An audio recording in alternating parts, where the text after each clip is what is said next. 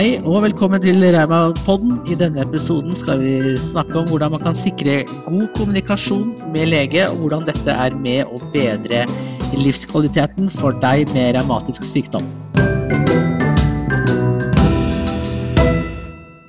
Hei, hei, og eh, velkommen tilbake til en ny episode av Raumapodden. Endelig. Det er dette som er gøy. Dette er kult, og spesielt når vi har så spennende og viktig tema som hvordan eh, sikre god kommunikasjon med lege. Og I denne anledning så har vi fått med oss to eh, perfekte eh, gjester.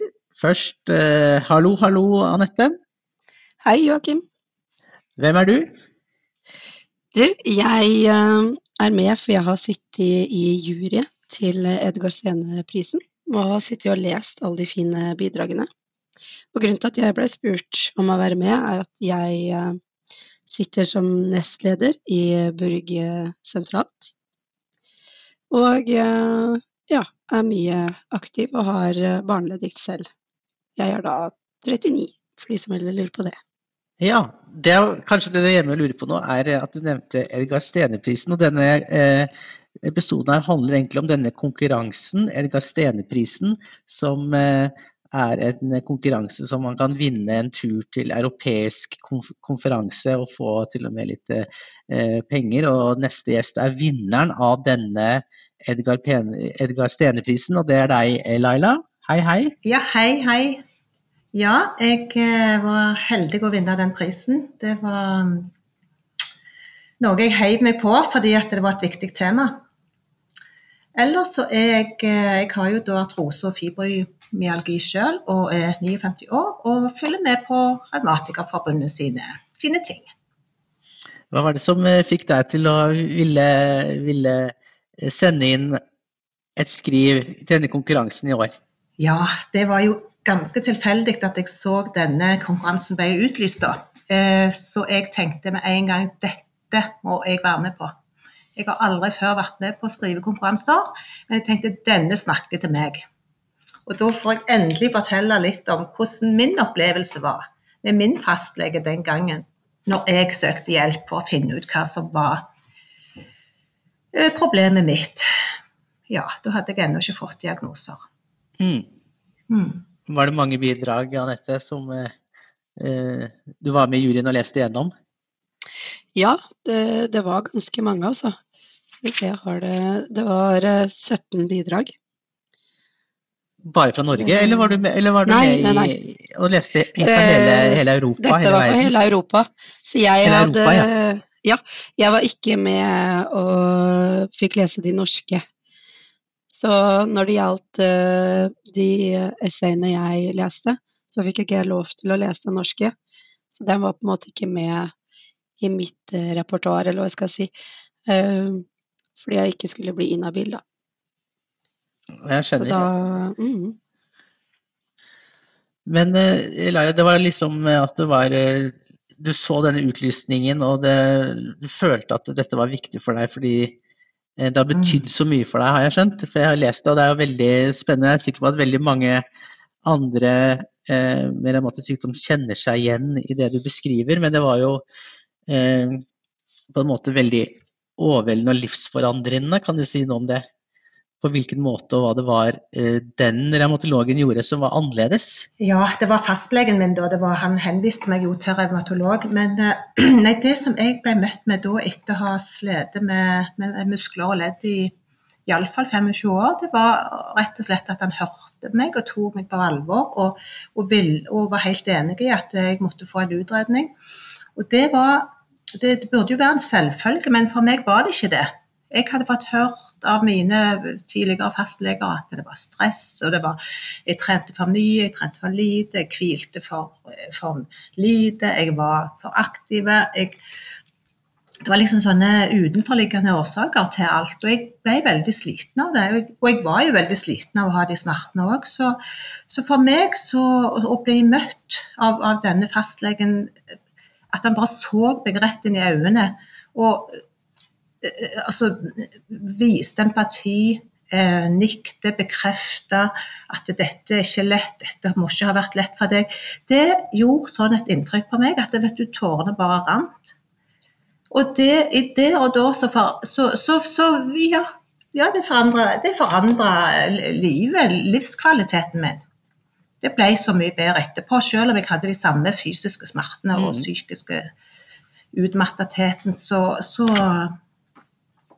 så var det så viktig for meg i den kampen jeg hadde hatt. Tenk at liksom en så liten ting kan uh, bety ja. så mye. For det, er liksom, treng, Man uh, går liksom på skole og har kurs og liksom skal lære å liksom bli en bedre lege, og så er det egentlig nesten bare å være uh, medmenneskelig det handler om. Absolutt. Og, og være der og lytte. altså, jeg følte meg sett og hørt. Det er vel det jeg har sagt til til andre som har lurt. Jeg følte meg sett og hørt, og viktigere enn det, det kanskje jeg eh, forstår at det er Ja, det, det, er vel det som er det viktigste, tenker jeg, å bli sett og hørt. Iallfall i min situasjon var det definitivt det. Hvordan eh, Var det litt sånn gjenganger blant de andre du leste, Anette, internasjonalt, eller var det noe som eh, skilte seg litt ut? Ja, det, det var mye av det det gikk i. Eh, og klart det var jo selvfølgelig 16 forskjellige historier som jeg eh, leste, men eh, mange av de så var det jo det her å faktisk bli sett og trodd på, på en måte. At uh, vi kan hjelpe deg. Mm. Var den setningen på en måte at den er så viktig, da. For at du, Lara, du var jo så vidt jeg har diagnostisert eh, på forhånd, så var det ikke snakk om å bli akseptert og respektert i forhold til å få en diagnose, eller? Det var det det var. Så, det var det det handlet om, ja. Rett og slett. Diagnose. Nå vil jeg ha en utredning. Nå er jeg så sliten og har gått og hatt vondt i mange år. Nå er det nok. Nå må noen ta meg på alvor og, og, gjøre et eller annet. Og han henviste meg videre til revmatolog da, og til revmatismesykehus og til Ja. ja. Så det mm. var første gangen, altså, at jeg hadde blitt forespeilt at jeg kunne få, få litt hjelp. Og du gjorde på en måte litt sånn eh, Tok litt tak ved å skrive et brev som du sendte til den nye legen, men håp eller, Men du trodde ikke nødvendigvis at han skulle lese det, eller? Nei, jeg gjorde faktisk ikke det. For jeg vet jo at legene har det travelt, og de har eh, Nei, jeg var slettes ikke sikker på at han skulle lese det. Men det hadde han gjort. Og det var jeg veldig glad for, for da slapp jeg å begynne på nytt igjen helt. Altså Han visste, hadde forkunnskaper om meg da. Så det gjorde jeg mm. både fordi at det var tøft for meg følelsesmessig å sitte og fortelle om alle smerter og vondter gjennom mange år. Det er ganske tøft å gjøre det. Da slapp jeg det, og så fordi at, skulle, at jeg ikke skulle glemme å si noe. Så istedenfor å sitte med en Post-It-lapp i hånda, mm. som jeg har gjort før, husk det, husk det, så, så hadde han liksom fått et brev på forhånd, da. Så jeg var veldig glad han hadde lest det. Mm. Ja, det skal jo egentlig altså Det er jo veldig fint og veldig unikt og bra at uh, du skriver det brevet, tenker jeg, at han leser det. Men det skal jo på en måte, Det er jo ikke alle som har overskudd til det, og det skal jo egentlig ikke være nødvendig heller. fordi at uh, man skriver jo i uh, på en måte epikrisen, eller hva det heter, hva heter det igjen, eh, journalen, mener jeg, journalen, så kan man jo på en måte forvente at eh, leger eh, leser journalen før man kommer, og at det på en måte mm. er informasjon nok. da. Men det er jo sikkert et bra tips hvis man føler at man ikke blir tatt på alvor, og sende et mm. mer konkret brev med ting som på en måte angår deg akkurat da. For at eh, i journalen så har jo ikke pasienten egentlig kontroll over hva som blir skrevet ned i det hele tatt. Men da tar man på en måte ansvaret litt i egne mm. hender, da. Og er liksom eh, sjef over hvilken informasjon som blir gitt. Absolutt. Eh, du, har, du, du, har jo sittet i, i juryen eh, nå, Anette, men har du noe personlig erfaring eller noe lignende selv? Kunne du på en måte vært med i konkurransen selv, nesten? Eller? Ja, altså jeg så jo konkurransen uh, når den kom, og tenkte oi, uh, syns det var uh, flott tema. Det gjorde jeg. Så ja, jeg kunne, kunne, nok ha sendt inn en søknad selv. Men jeg vil ikke si at, nødvendigvis at jeg har én spesiell historie. På en måte, jeg har jo barneleddgikt, og vært eh, veldig mye på sykehus fra jeg var liten. Jeg fikk diagnosen da jeg var fem. Og hadde jo flere og noen og 50 innleggelser før jeg ble tenåring. Så klart jeg har hatt mye kontakt med lege, og kunne kjenne meg igjen i, i det, for det var noen av essayene som, var, som hadde barneleddgikt sjøl, eller revmatisme fra de var unge. Og den kjente jeg mm. traff veldig. Mm. Mm. Ja, for det er jo eh, på en måte eh, Det er viktig å ha god kontakt med fastlegen. Det er jo én eh, ting. Eh, nå i disse dager så kan man jo si hvis man nesten er så heldig å få en fastlege Det er jo litt sånn i media at det er mange som ikke har det engang. Og så skal man i tillegg ha en som forstår og har god tillit til. Så er det mm. vi pasientene som krever for mye, eller er det samfunnet som ikke er godt nok tilrettelagt? Eh. Det er vel kanskje en blanding. Eh, men så er det jo det du sier at når man først på en måte har kommet videre til spesialisthelsetjenesten, og så er det jo disse bytter hele tiden av eh, revmatologer da, som må måte mm. etablere ny tillit hele tiden. Og du nevnte Burg, og det er jo kanskje spesielt viktig i overgangsfaser når man eh, bytter fra barneavdeling til voksenavdeling f.eks. Ja. At all viktig informasjon om deg blir ivaretatt. da. Mm. Og klart, Det er jo et tema som går igjen og igjen. Det er eh, overgangen. Og de har nok blitt flinkere til å preppe, men allikevel så Det er ikke lenge siden jeg hadde For jeg sitter i brukerutvalg på sykehuset i Telemark. Og der har vi mm. eh, møte med ungdomsrådet av og til. Og, de, uh, og, der er det jo både fra somatisk og, og psykisk. Um, og det er mange av de altså, som sliter med overgangen til å skulle bli voksne. Mm. Og men de sier jo bare f.eks. det at legen henviser seg til foreldrene. Selv når de begynner å nærme seg 18. Det syns jeg er ganske drøyt. Det er litt sånn Hva mm. ønsker mm. dere at hun skal klare å gjøre? Hvorfor mm. ser de fremdeles ikke individet? Er vi der enda? Det syns mm. jeg er veldig spesielt og leit. Ja. Så selv om det er forskjellige faser i livet, så handler det egentlig om det samme, å se personen for den det er, og mm. eh, personens egne behov. Da. Ja. Eh, annet enn å skrive brevet, hadde du noe annet eh, sånn, eh, eh, hva skal jeg si, self-management eller mestringsstrategier for å ta på en måte ansvar for en god dialog, eh, Laila? Nå, du nevnte skrev noen lister, hva var det på den listen? Ja, altså lister, altså ja, det husker jeg ikke nå, men altså symptomer. Er dette farlig? Er det, er det smertelindring for dette? Hva kan jeg gjøre? Kan jeg, gjøre? Kan jeg jogge med kneartrose? Kan jeg Ja, sånne type ting var det jeg hadde på, på lista mi da. Uh, kan det helbredes, ikke minst, var du opptatt av. Men mm. det kan det jo ikke. Så ja. Nei, altså det med å ta ansvar for, eh, for, egen helse tenker jeg jo er viktig, da. Fordi at eh, det var vel det jeg følte jeg gjorde. Altså nå, nå, nå, nå må noe skje her. Og, og, da ga jeg beskjed om det i det brevet, og muntlig når jeg var på legebesøket. Så eh, ta ansvar og ikke gi opp at du har krav på en, ja, en utredning når du har gått i årevis og hatt vondt. Så må du bare Da må noe skje. Så ta ansvar for seg sjøl, tenker jeg. Eh, fikk du gode svar på alle de spørsmålene, eller var det ikke det som var det viktige? Eh, at han skulle ha svar på alt? Nei, bare jeg, jeg, jeg, jeg, bare jeg fikk vite Jeg vet det er noe som feiler meg, og jeg har en mistanke og to. Og det viste seg å stemme, de to diagnosene mine, som jeg hadde forska meg fram til sjøl. Men det var det å få en visshet om at det er ikke i hodet mitt det sitter, det er ikke noe jeg innbiller meg det er ikke det er reelle smerter. fordi det var vel det jeg følte gjennom alle år, at eh, det ble litt sånn ah, Ja, men du, du stresser for mye. Ja, du trener for mye. Du, du jogger på asfalt. Du, ditt, det, altså, sånn, det ble sånn bortforklaringer. Og det, det, det går jo utover sjøltilliten til slutt. Så jeg um, Ja, liksom skylden ble lagt ja, på deg selv? Ja. ja, så for meg var det så avgjørende. For mm. jo, faktisk, jeg har to diagnoser, uh, og de har jeg, og de lever jeg med. Det er heldigvis ikke farlig. Det er bare ubehagelig og smertefullt, men det er helt greit. Jeg vet det, og da gjør jeg det beste jeg kan for å leve med de diagnosene. Så, så derfor var det viktig for meg. Mm. Mm. Mm. Du Anette, du sier at du har hatt over 50 forskjellige behandlere, for å si det sånn. Har du noen eksperttips til hvordan eh, bli tatt på alvor og sikre gode, ikke bare overganger, men eh, personbytter?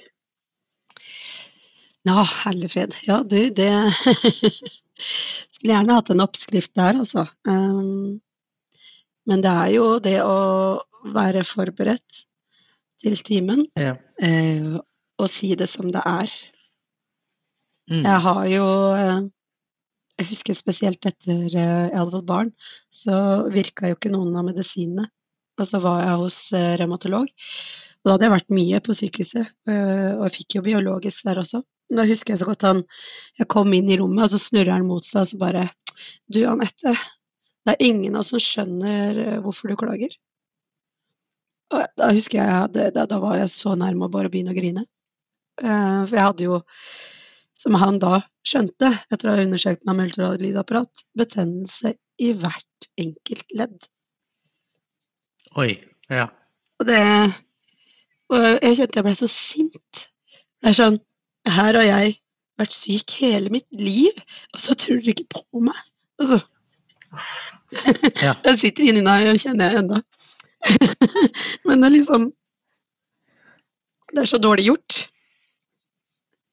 Mm. Mm. ja. Hva, hva, mer må jeg bevise, liksom? Ja. litt det. Kan du ikke undersøke meg da, før du kommer med den uh, påstanden der, liksom? Nei, det er Ja, ja. eh, ja. Det er helt utrolig. At de Mm. eh, Ja. Selvfølgelig, leger er også bare mennesker, og de kan også være drittsekker. Så det Ja, det er jo Det er, eh, nei da. De aller fleste er selvfølgelig greie, og, men du har enkelte møter opp igjennom som sitter igjen. Det er, Mm. eh, men heldigvis så er det mange dyktige leger her ute eh, som tar deg på alvor. Men, eh, men ikke gi deg, på en måte. Jeg har jo også vært der i etterkant hvor ledda mine er så ødelagt, på en måte, og så tar de røntgenbilder, og så sjekker de bare det ene bildet. Måte, de ser Mm. ikke hele leddet. Eh, som jeg har måttet gå til liksom eh, tre forskjellige revmatologer før den siste faktisk sjekker alle bildene. For det første ser bra ut, Ja, ikke sant. og det Ja. er eh, Så generaliserer man hele kroppen på ett bilde, ja. Ja, Ja, og det Altså, se bare ankelen fra den ene vinkelen. Hadde du sett den fra den andre, så hadde du sett at det her er ikke noe igjen. På en måte. Mm. Så det Så mitt tips er vel egentlig bare Du kjenner kroppen din, stå på. Eh, Ikke gi det. Ja, så er det jo begrenset tid man har også på sånne kontroller, da. Men eh, det er liksom et sånn fast løp, føler jeg, da. Jeg jo jeg har erfaring fra diverse legekonsultasjoner opp gjennom livet, jeg òg. Så er man liksom ferdig med det standardiserte. Og så uh, på en måte blir det en sånn slags 'nå er vi ferdig'-stemning. Men så vet jeg at eh, det er satt av minimum tre kvarter. Og så bruke tiden man har, og så bruke den lappen man har, og så sørge for at man kommer gjennom alle svarene før man runder av. Sånn at Mm. man går med en trygghet om at uh, alt man lurte på har blitt besvart. Da. Men jeg er litt nysgjerrig på deg. Nå handler det ikke- om Edgar Stene-prisen og den utrolig flotte eh, teksten du har skrevet eh, om kommunikasjon med fastlege, så vidt jeg har forstått. Men hvordan eh, har opplevelsen vært å komme i spesialisthelsetjenesten? Det har vært, eh, For meg har det bare stort sett vært eh, gode opplevelser. Jeg hadde bl.a. en revmatolog som ja, verdens fineste lege, som òg tok meg sånn på alvor og ja, empatisk og kunnskapsrik og alt. Så, så det var bare en Det var helt fantastisk, det, altså. Uh, ja. Uh, så det Ja, gode erfaringer. Når jeg først kom, kom inn, så var det gode erfaringer. For du skriver jo i, i artikkelen at du fikk en bedre livskvalitet. Eh, Det er kanskje vanskelig å sette fingeren på akkurat hva som eh, gjorde det, eller? Det er vanskelig å sette fingeren på hva det var, men for meg hadde det så stor betydning at det, jeg følte meg hørt og trodd og sett og alt dette her, at det, det tok en sånn byrde fra skuldrene mine som jeg gikk rundt med på daglig basis. Altså jeg følte meg lettere og kunne på en måte ja, jeg kan ta den joggeturen, jeg. fordi jeg, jeg trenger ikke være redd for at jeg ødelegger kroppen min enda mer med det.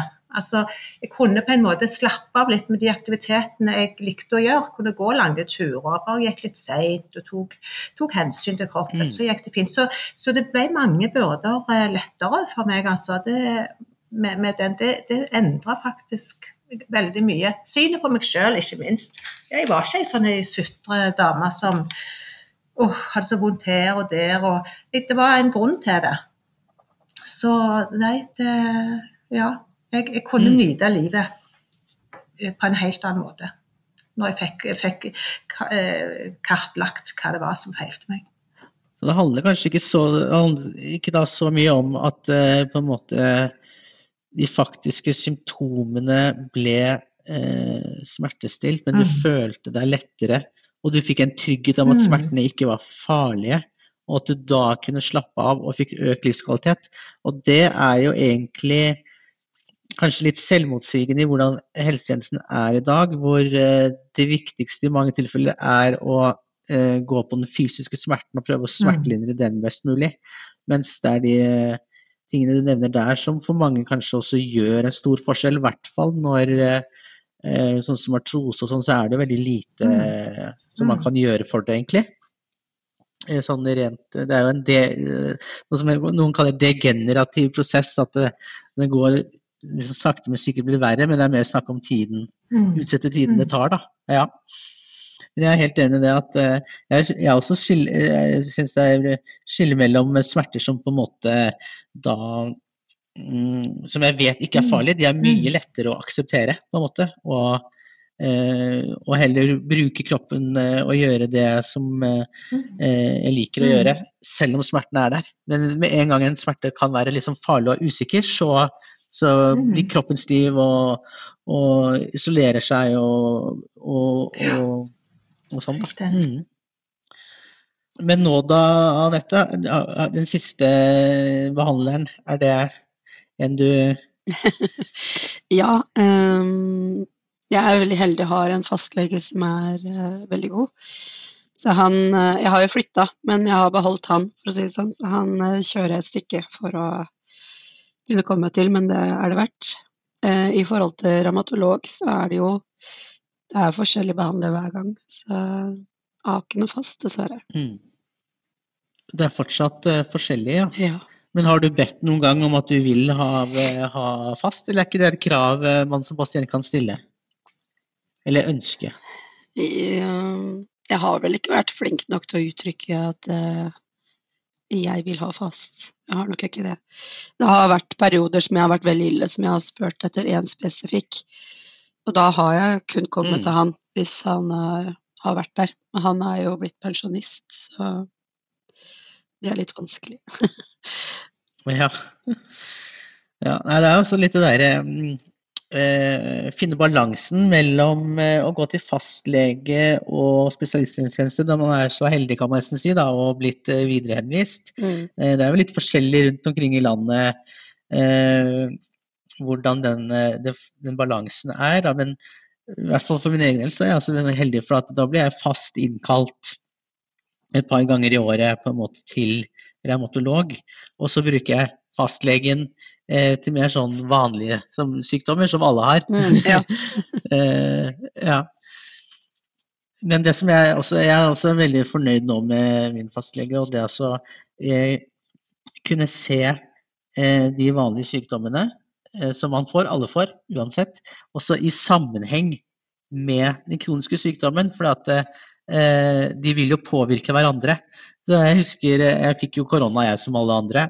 Da eh, går jo igjen i definisjonen risikogruppe, og da fikk jeg med en gang eh, Jeg lurer på om det var SMS Nei, legen ringte meg og spurte vil du komme til en konsultasjon, for jeg vet at eh, koronaen på en måte kan påvirke eh, leddgikten din eh, verre for deg enn hos andre. Dette må vi ta tak i. Så flott. Og, og, ja. Så det er liksom bare ha den tryggheten, og så kunne ta valget selv. Nei, jeg føler meg komfortabel, jeg Men å bare vite at man har muligheten, da. Mm. Mm. Men hva, hva, Nå har vi snakket om liksom litt sånn hvordan eh, vi som pasienter kan forberede oss. Men vi, her er det jo lyttere, eh, ikke bare brukere, men også helsepersonell. Eh, er det noen tips til, til dem? Nei, altså til, til um, lytterne altså, som sliter med sånne ting, er det som jeg sa før, altså vær ta ansvar sjøl og, og, og krev å bli hørt. Og, og, uh, ikke gi deg før du blir hørt. Og til helsepersonell så tenker jeg jo at, uh, at de bare har begge ørene åpne og, og lytter og, og, spør og virker interesserte. da. Og hva, det er ikke så lett å være pasient og sitte og legge ut og bruke god tid og masse ord. Det føler iallfall jeg at jeg sitter litt med lua i hatten og, nei, lua i, hånda når jeg er inne hos legen. Vil ikke ta opp tid.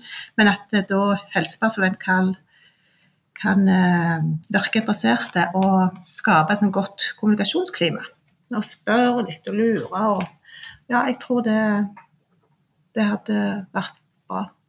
Mm, jeg er enig i det Laila sier der. Og jeg er også veldig opptatt av at man ser hele pasienten. Sånn som din lege som da sier at 'jeg ser du har fått korona'. Jeg vet at dette kan påvirke deg, på en måte. Eh, og også det at man ser eh, hele eh, pasienten fra topp til tå. Det å ha mye kroniske smerter og utfordringer, det går utover psyken. Og vi er forskjellige på hvordan vi takler det, men eh, på et eller annet punkt så, går, så er det ting som må jobbes med. Og eh, det er veldig mange som får masse tilleggssykdommer, og det å skulle takle alt Jeg har jo alltid fått beskjed om 'Å, du er så sterk, du er så sterk', og og det Jo da, jeg er det. Men samtidig så er jeg også der at jeg kan trenge hjelp. Og det tenker jeg det er veldig viktig. Og nå har det jo blitt mer fokus på dette med psykisk helse og kroniske pasienter, på en måte. Så det er veldig bra. Men uh, fortsatt så har vi en god vei å gå. Mm. Jeg tenker også det med å se hele mennesket, og spesielt ved skifte av eh, eh, leger, da, at eh, det handler også om å kunne se tilbake i tid. Eh, at eh, en plage som man eh, har i dag, kan på en måte kanskje følge av det som man har slitt med tidligere. På en måte ikke er en sånn direkte skade. Men det krever jo da at de nye legene man får som da ikke har fulgt deg kanskje over lang tid, leser, eh, leser journalen godt og er forberedt på eh, å møte hele mennesket, hele livssituasjonen, siden eh, alt påvirker alt, da. Mm. Eh, og så, eh, som, når, eh, så, er man jo i fase hvor man føler seg bedre og kanskje ikke trenger heller også gå til lege så eh, ofte, men det trenger ikke bety at man blir helt eh, utestengt fra tilgangen til eh, helsehjelp. Du nevnte dette med eh, tilleggssykdommer. Det psyk psykiske er én eh, ting, men så er det jo mye fokus på nå at det er eh, større forekomst av hjerte-karsykdommer. Mm. Og Eh, kan være litt tips der. Diakoniumet har eh, en egen avdeling for det, som, som, utreder det. Så jeg husker en gang jeg var i på en måte eh, eh Man kaller det i remisjon, da, eller stabil sykdomsfase. Da er det liksom eh, Ja, men jeg har jo ikke hatt en full eh, sjekk på hjerte-kar-fronten, så da følte jeg liksom det var fint å kunne bli sjekket ut det òg, da. men ja. Så, så jeg tenker helt den der, å finne den der balansen på hvor mye eh, helsehjelp man egentlig behøver. Men det, eh, har du tenkt noe på det, Laila? Sånn hyppighet og når burde man gå til lege, hvor alvorlig bør det være før man gjør det. Jeg vet at damer kanskje er flinkere til å gå til lege enn menn, sånne ting. Mm. Ja, men når det er sagt, så ville jeg heller gått en gang for mye enn en gang for lite til legen. Uh, nei, jeg syns det er vanskelig å, å svare på, jeg, altså, for det er, så, det er, så, individuelt. Vi har forskjellige terskler, og, og jeg uh, Ja, jeg syns det er vanskelig. Uh, en må kjenne seg sjøl og være tro mot seg sjøl, tenker jeg. Kjenne at nå er min grense nådd, nå er jeg sliten, nå har jeg vondt, sånn og sånn. Mm. Og det kan være ulikt. Det er jo ulikt mellom oss folk. Så vær tro mot seg sjøl. Kjenne at nå, nå mm Mm. Og ta seg sjøl på alvor. At kroppen min liker ikke jeg, Nå er jeg så sliten og vond at nå, nå, nå, går jeg. Og veldig mange, tror jeg, iallfall i, i min omgangskrets, så mm. venter han for lenge. Han vil ikke bry legen. Nei, det er litt sånn. Jeg et eksempel på det. For jeg, jeg, jeg et eksempel på det fordi at jeg fikk noen sånne rød flekk på ryggmargen som kom og gikk, men den gikk liksom aldri helt bort. da. Og så kona mi bare 'Du må sjekke den.' 'Nei, jeg vil ikke.' Og venta og venta. Og så 'Ja, men tenk om det er noe alvorlig ryggmargskreft eller noe sånt', da. Så bare 'OK, jeg går'. Og så ser han på det, og så bare 'Det der er en sånn uh, underjordisk krise, det der'. Så bare 'Å, herregud, jeg har gått til legen for en krise'. Men jeg, men jeg snakker men jeg snakket med venner og andre Ja ja, det var jo greit å få sjekket det ut, da, på en måte. Tenk om det kunne vært kreft, men det er jo liksom ja. Jeg vil ikke være hypokonder heller, liksom. Så det er jo den balansen, da. Men det, med revmatologen, med revmatologen min, da, så er det sånn eh, eh Ja, vi setter deg opp eh, på ny kontroll to ganger eh, liksom hvert halvår, da. Men hvis det er noe, eh, uansett eh, på en måte, Hvis du får mer vondt, eller hvis du får oppløst, så er det bare å ringe, og så finner jeg en time til deg. Hvordan avtale har du Anette, med din oppfølging nå? Nei, de, de sender uh, time til meg når de husker på meg. Det er veldig variabelt. det er uh, Det kan være to-tre ganger i året, eller så kan det være en gang i året. på en måte. Men jeg tar mye Ja, Så ikke noe fast liksom nei, der? Jeg tar mye kontakt sjøl. Jeg er pasient på Betanien hospital i Skien. Og der uh, sender jeg bare mail. Bare 'Du, nå har jeg et, uh, en hoven albue her. Kan jeg få en injeksjon?' Da får jeg time, mm. gjerne veldig fort. Du avslutter, uh, avslutter artikkelen din Laila, med å skrive at du føler deg heldig. Føler du deg fortsatt heldig, eller føler du at det mer er blitt sånn det skal være? Jeg føler meg heldig. Uh, ja, jeg føler meg heldig med at jeg har, jeg har eh, to diagnoser som jeg kan leve med, og bare justere aktivitet og innsats i livet sånn ellers ut ifra det. Det er ikke farlig. Det er ikke, så jeg, jeg, ja, og jeg føler meg heldig med at jeg endelig traff en lege som forsto meg og hørte meg. Jeg føler meg heldig på mange måter. så, så ja, ikke ha noe farlig og noen bekymringer rundt helsa utover å være så god som mulig med meg sjøl. Mm. Da tror jeg faktisk at vi bare må liksom, kan jo nesten bare runde av med det å si at vi må håpe at uh, det blir veldig mange flere heldige uh, personer med revmatisk sykdom der ute. Ja. Alle fortjener å være heldige. Mm, helt klart. Og uh, det, når det skal, I hvert fall når det, hvert fall når det skal så lite til, da. Mm. Ja. Ellers Har dere noe avsluttende tips eller råd? Nei, vær tro mot deg sjøl. Lytt til kroppen din, lytt til deg sjøl. Ta tak. Ja. Og du fortjener et godt liv. Mm. Det gjør alle. Mm. Jeg er helt, helt enig. Det er, det er viktig å ha det bra. Og vi kan ha det bra med vondter og drit, bare mm. vi blir sett mm. og vet hva driten er. Ja. yes. Nei, men uh, jeg kan jo si at det blir også uh, reportasjer i nye R-magasinet, hvor uh, artikkelen kom på trykk, og det er intervju med begge. og så stay tuned. Takk for nå. Takk for at dere ville være gjester i Raumapodden. take care. Vi snakes. Ja, takk selv. Bye bye. Bye bye. Dag har vi snakket om Edgar Stene-prisen og vinneren av den norske konkurransen, Laila, om hvordan sikre god kommunikasjon med lege. Og vi har også hatt samtaler med Anette, som har sittet i juryen. Og som vanlig er det Podmaster som har fikset lyden.